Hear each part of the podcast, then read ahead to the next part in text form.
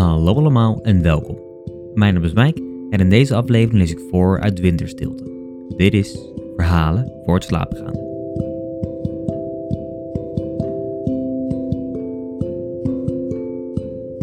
In 2019 deed ik mee aan NaNoWriMo, de National Novel Writing Month. Het is een challenge die over de hele wereld wordt gedaan, waarin schrijvers in de maand november in één maand 50.000 woorden van een roman schrijven. Dit komt neer op gemiddeld 1667 woorden per dag. Het is flink doorzetten, maar als het goed is heb je daarna die maand genoeg materiaal om mee verder te werken. Het kamp is vooral gemaakt om mensen aan het schrijven te krijgen en meters te laten maken, in plaats van dat ze alleen maar maandenlang naar een leeg scherm staren. Ik deed dus ook mee met een poging tot een roman, en op de laatste dag bereikte ik het doel van 50.000 woorden. Uit deze poging tot een roman ga ik in deze aflevering voorlezen. Het heet Winterstilte. Ik weet niet meer waar het idee vandaan kwam, maar in eerste instantie wilde ik een verhaal schrijven over een vrouw wiens partner in een coma komt. Het leek me interessant om te schrijven over het conflict tussen gevoelens voor haar partner in coma en eventuele nieuwe liefdes. Over rouwen terwijl iemand gewoon nog leeft over hoe lang je zou moeten wachten op iets dat niet meer komt. Toen ik hieraan begon, vond ik eigenlijk dat het koppel een backstory nodig had, zodat hun relatie en het verhaal iets meer betekenis zouden krijgen. Uiteindelijk is deze backstory een beetje uit de hand gelopen en is dit het hele verhaal geworden. Het is het verhaal van Maya en Yukio, twee kinderen die opgroeien in Engeland, bij elkaar komen en na een kleine hapering onafscheidelijk van elkaar zijn. Eigenlijk is het een liefdesverhaal geworden over twee personen, waarvan de een graag vooruit wil en de ander het prima vindt om stil te blijven staan. Ik denk dat het een verhaal is over rouw en de vraag of het echt zo erg is om in het verleden te blijven hangen. Uiteindelijk ben ik van plan om het hele verhaal voor te lezen. De eerste aflevering zal nog een standaardaflevering worden, maar de rest zullen bonusafleveringen worden. Mocht je die willen luisteren, dan kun je je abonneren op de podcast via de link in de beschrijving van deze aflevering. Maar goed, dat is voor latere zorg. Nu is het eerst tijd voor het eerste deel van het verhaal. Dit is Winterstilte.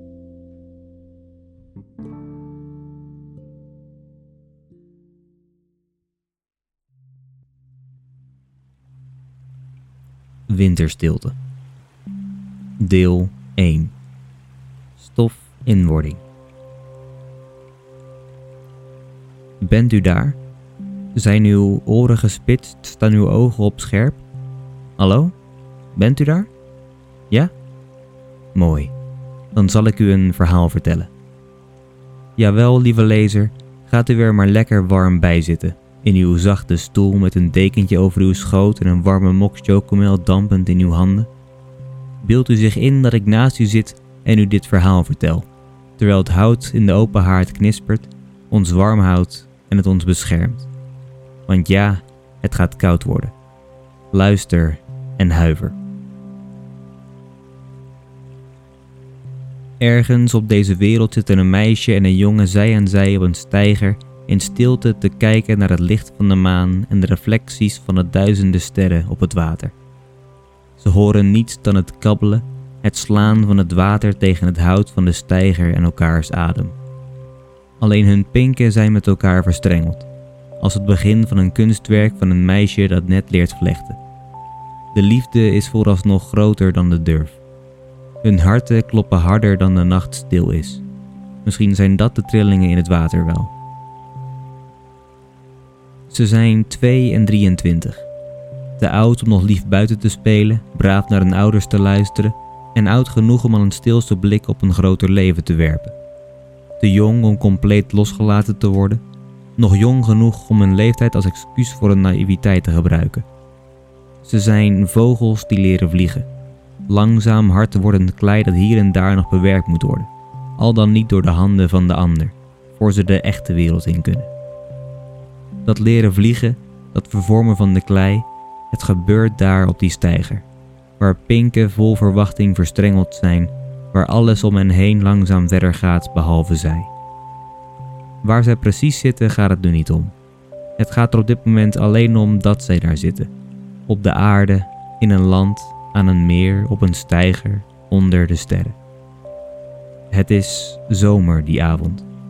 Ze zijn, nu het studiejaar erop zit, allebei teruggekeerd naar hun ouderlijk huis. Die middag waren ze elkaar na drie contactloze jaren tegengekomen op straat. De ontmoeting verliep stroef, maar dat was meer uit verlegenheid dan onwelwillendheid. Maya bloosde en Yukio wist niet waar hij kijken moest. Dus keek hij toe hoe een mier een klein blaadje uit een gat in de weg probeerde te tillen. Steeds wanneer hij bijna boven was, viel hij achterover. Yukio bukte, liet de mier op zijn vinger lopen en hielp hem op weg. Wat doe je? vroeg Maya. Ik hielp die mier. Hij was zo zielig. Maya lachte. Leuke metafoor. Voor wat? Jij bent die mier aan dat gat, dat blaadje zijn wij. Doe ik het echt zo slecht? Ze haalde haar schouders op. De blos was van haar wangen verdwenen en een dunne grijns was ervoor in de plaats gekomen. Ik bedoel het niet als metafoor, zei Yukio. Zeg nou maar gewoon van wel, dan hebben we wat om over te praten. Oké, het was een metafoor. Zie je wel? Ik zei het toch? Je moet dichter worden. Denk je? Iemand die zulke metaforen zo uit het niets kan toveren, zal het ongetwijfeld goed doen als dichter. Hij glimlachte. Maar jij verzon de metafoor.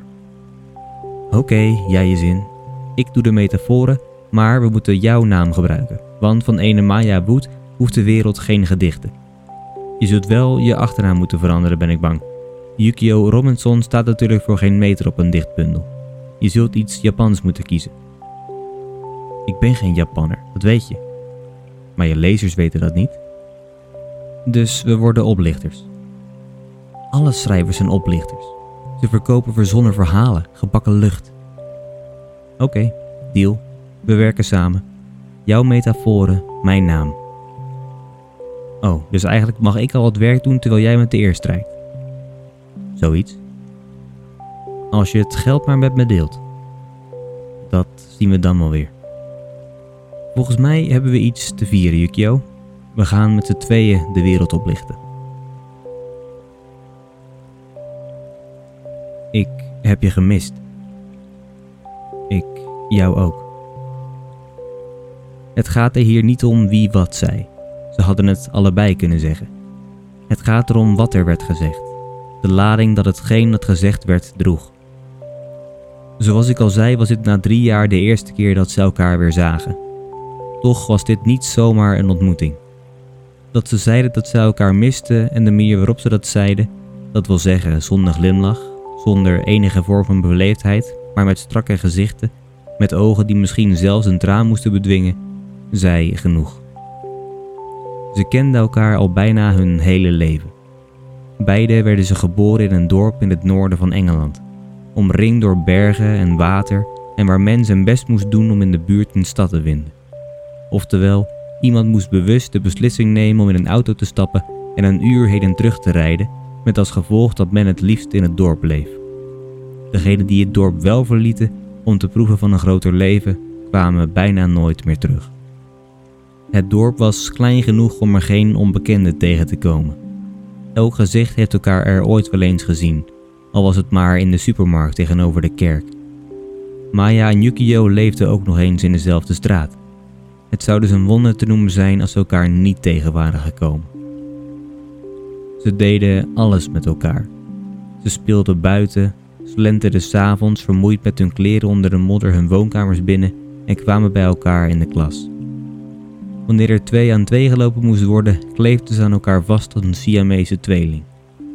Ze waren twee lantaarnpalen die midden in de nacht op elkaar stonden gericht en maakten kennis met de wereld om hen heen door het licht dat de een op de ander scheen.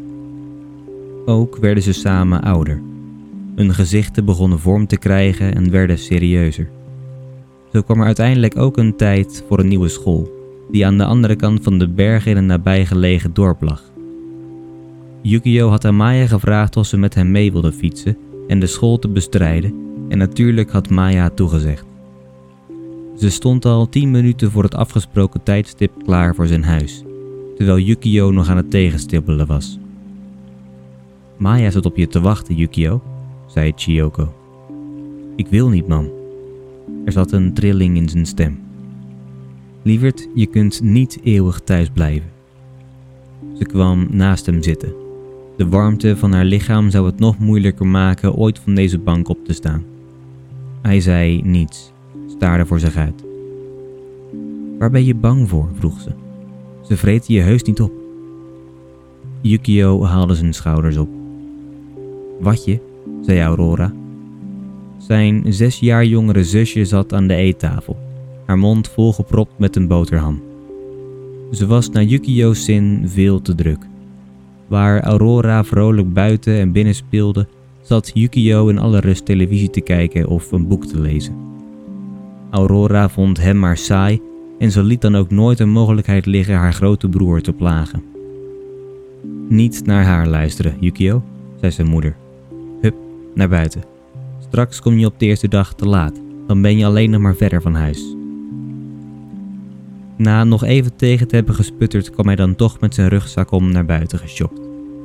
Wanneer hij een stap achteruit probeerde te zetten, duwde zijn moeder hem vooruit. Hij was als een baby die na de geboorte niets liever wilde dan terug in de warme buik van de moeder. Toen hij Maya zag staan, kwam er toch een vage glimlach op zijn gezicht. Hij pakte zijn fiets en ging naast haar staan, keek af en toe van de grond op naar zijn moeder. Doen jullie voorzichtig? vroeg Chiyoko. Ze keek vooral Maya aan toen ze het riep. Ze hadden de weg naar de nieuwe school al enkele keren gefietst en hier en daar zaten er tussen de bergen en hoge heuvels wegen waar niets meer dan een vangrail was om een val in het diepe te voorkomen. Chiyoko herhaalde wanneer ze maar kon dat ze daaruit moesten kijken. Maakt u zich geen zorgen, mevrouw Robinson, antwoordde Maya. We kennen de weg. Ze fietste het dorp uit en lange tijd zeiden ze niets. De vrijstaande huizen met tuinen en blaffende honden gingen gestaag over in dunne landweggetjes waarop af en toe een tegenliggende auto voorbij kwam.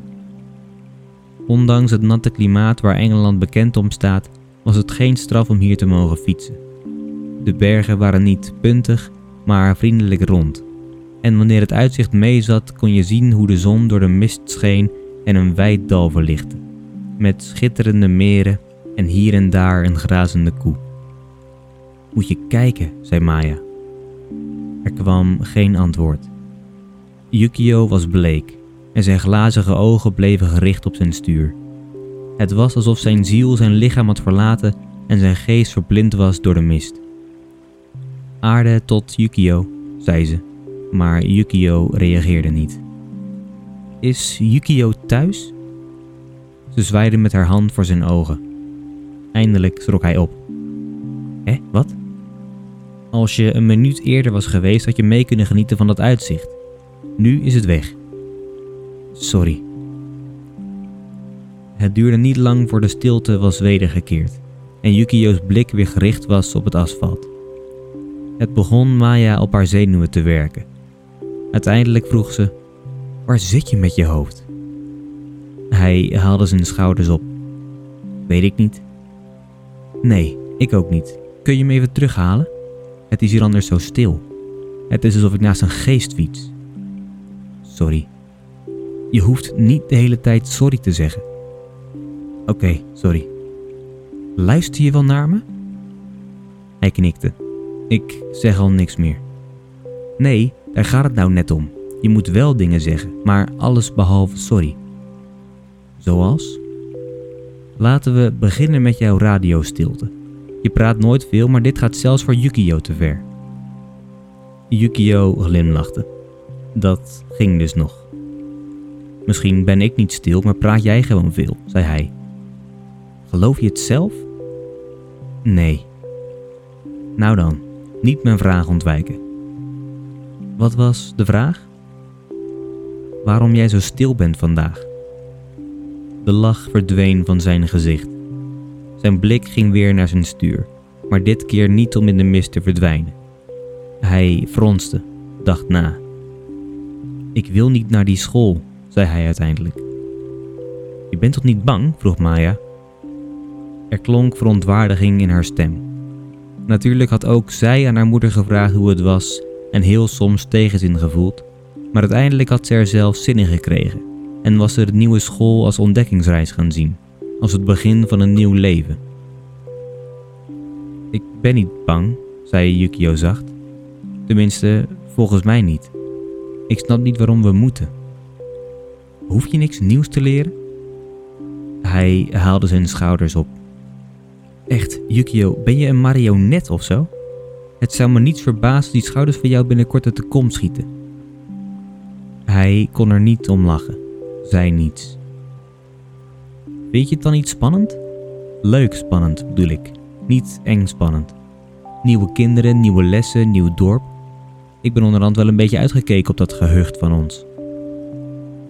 Ik snap gewoon niet waarom het nodig is om een nieuw leven op te zoeken terwijl je je hele leven gelukkig kan zijn zoals het al is. Wat als de school stom is? Wat als de kinderen niet aardig zijn? Wat als ik op de weg terug ineens over de vangrail in het dal donder? Het voelt alsof ik alles van de basisschool in het oude dorp verlies. Maar je hebt mij nog.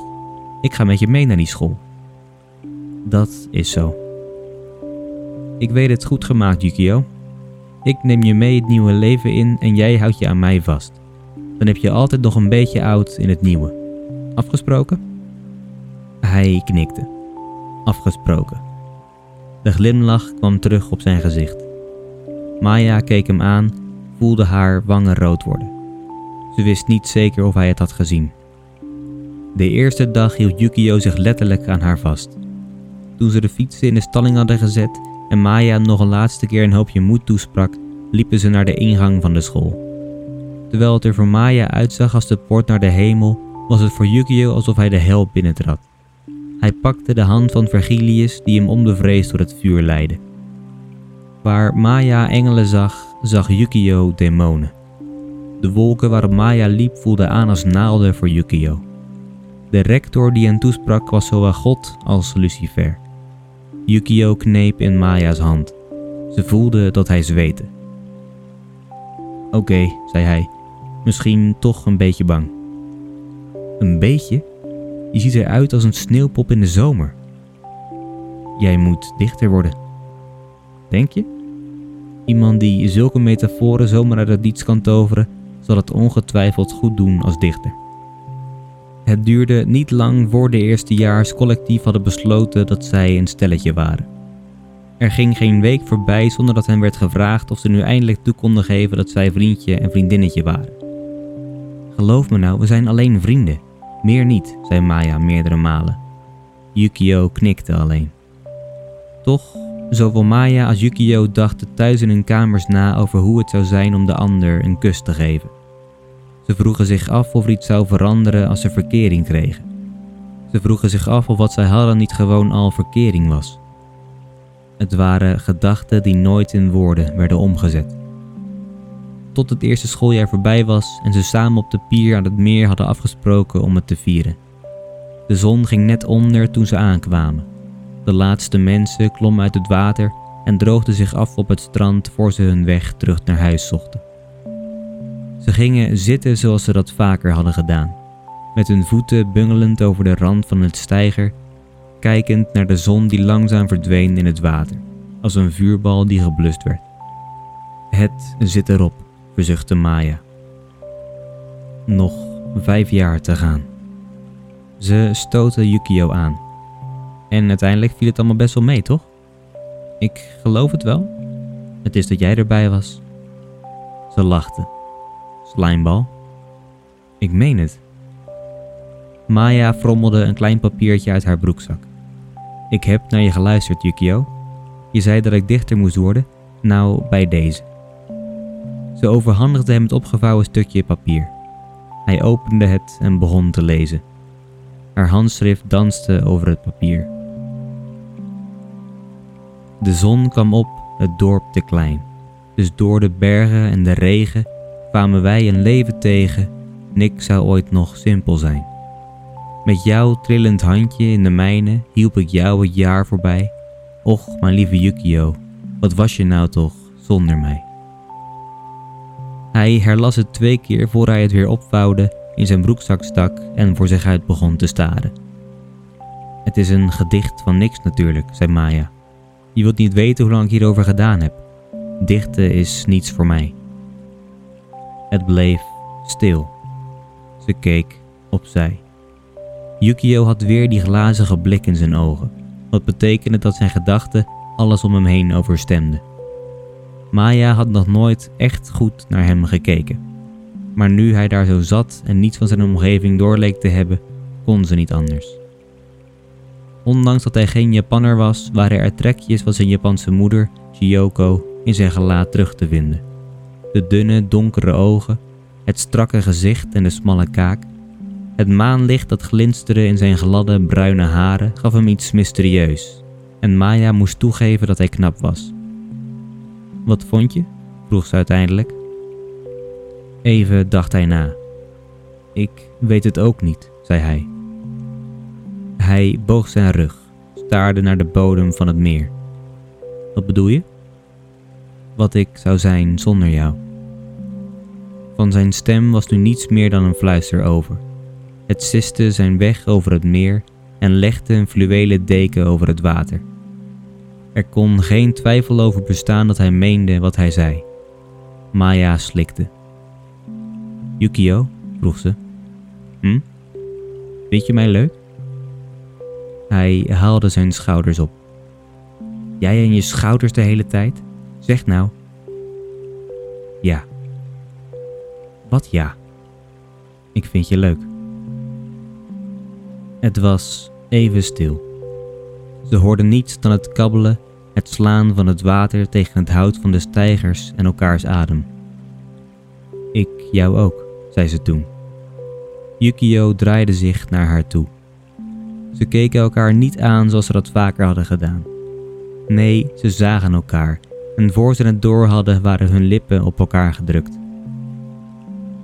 Toen ze hun gezichten weer van elkaar wegtrokken, hadden zij allebei een brede glimlach op het gezicht. Totdat dat van Maya ineens betrok. Shit, zei ze. Wat is er? Nu moeten we dus al onze vrienden gelijk geven dat we toch een koppel zijn. Maar op dat moment was dat de minste van hun zorgen.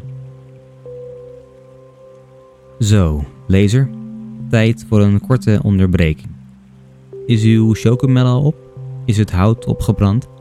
Dan is dit het moment om nog eens bij te vullen en die open haard nog eens goed op te stoken. Is mijn stem een beetje prettig om naar te luisteren? Ik hoop het, want we zijn pas net begonnen. En het zou zonde zijn om een heel boek te lezen van een stem die je niet aanstaat. Als u er weer goed klaar voor zit, kunnen we verder. Want zoals ik al zei, moeten we nog een flink stuk. U weet nu hoe Maya en Yukio bij elkaar zijn gekomen, hoe een jeugdliefde zich ontwikkelt en hoezeer zij bij elkaar passen. Maya vulde de stilte van Yukio, Yukio bracht rust in het hoofd van Maya. Ze begonnen aan het nieuwe schooljaar en aangezien de hele klas het al had verwacht, reageerden ze zonder shock toen ze te horen kregen dat Maya en Yukio niet toch een stelletje bleken te zijn. Aan het einde van de eerste week van het schooljaar was het onderwerp reeds oud nieuws. Al snel was hun relatie een vanzelfsprekendheid. Het was een onderdeel van de natuurwetten van de klas. Er bestond simpelweg geen wereld waarin die twee niet aan elkaar gekleefd waren. Zelfs voor Yukio was de hel nu een klein beetje hemel geworden. De vrouwelijke Vergilius had haar best gedaan het hem naar zijn zin te maken, en Yukio kon zweren dat hij zich bijna thuis begon te voelen tussen de vlammen. De oplettende lezer zal zich herinneren dat ik heb gezegd dat die ontmoeting in de zomer, toen ze zeiden dat ze elkaar hadden gemist, flink beladen was. Ergens is er dus iets misgegaan. Goed, ik zal het niet langer uitstellen. Wat verteld dient te worden, dient verteld te worden. Hoe pijnlijk het ook is.